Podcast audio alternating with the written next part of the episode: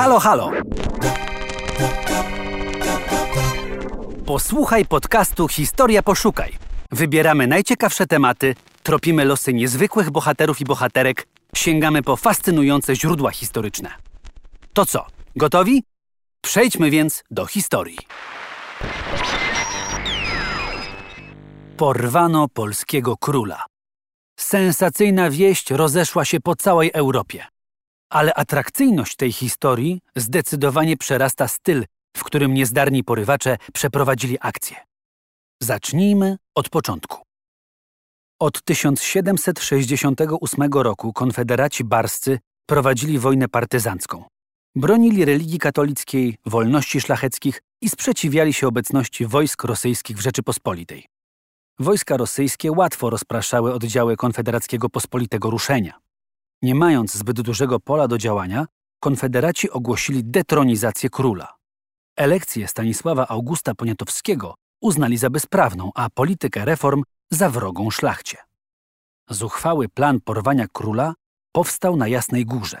Przedstawił go Stanisław Strawiński, a zaakceptował przywódca konfederatów Kazimierz Pułaski. Celem porwania było zmuszenie króla do abdykacji. Akcja wyglądała tak. Stanisław Strawiński został dowódcą. Wybrał i zaprzysiągł 26 zamachowców. 3 listopada 1771 roku, późnym wieczorem, król wracał z wizyty u swego chorego krewnego, kanclerza Michała Fryderyka Czartoryskiego. Na ulicy Miodowej w Warszawie nastąpił atak na królewską karetę. Akurat tego wieczoru eskorta króla była nieliczna. Po krótkiej wymianie ognia i chaotycznej walce wręcz obrońcy króla ulegli. Król próbował ratować się ucieczką, wyskoczył z karety, dobiegł do bramy pałacu czartoryskich, kołatał o pomoc, ale napastnicy dopadli go i obezwładnili.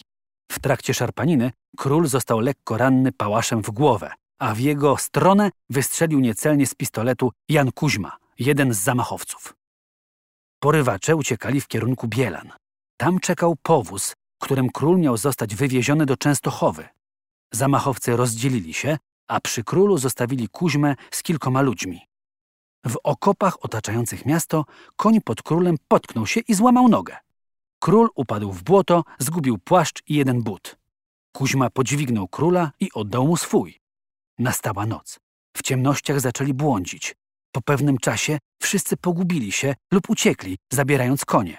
Z jeńcem został tylko Kuźma. Dalej musieli iść pieszo. Udało im się znaleźć nocleg w młynie na Marymoncie. Zataili tożsamość przed młynarzem, ale król za pośrednictwem młynarczyka zawiadomił dowódcę gwardii pieszej koronnej. Rankiem był już wolny. Kuźma w trakcie śledztwa wydał wspólników. Zapadły wyroki i... Jak myślisz, co dalej stało się z porywaczami i dowódcami Konfederacji Barskiej? Jeden z nich uciekł aż do Ameryki, gdzie został bohaterem walk o niepodległość Stanów Zjednoczonych. Może wiesz, który? Odpowiedzi na te pytania znajdziesz na portalu Historia Poszukaj w artykule Krzysztofa Kowalewskiego pod tytułem Uprowadzony monarcha ucieka. Porwanie Stanisława Augusta Poniatowskiego. Historia. Poszukaj.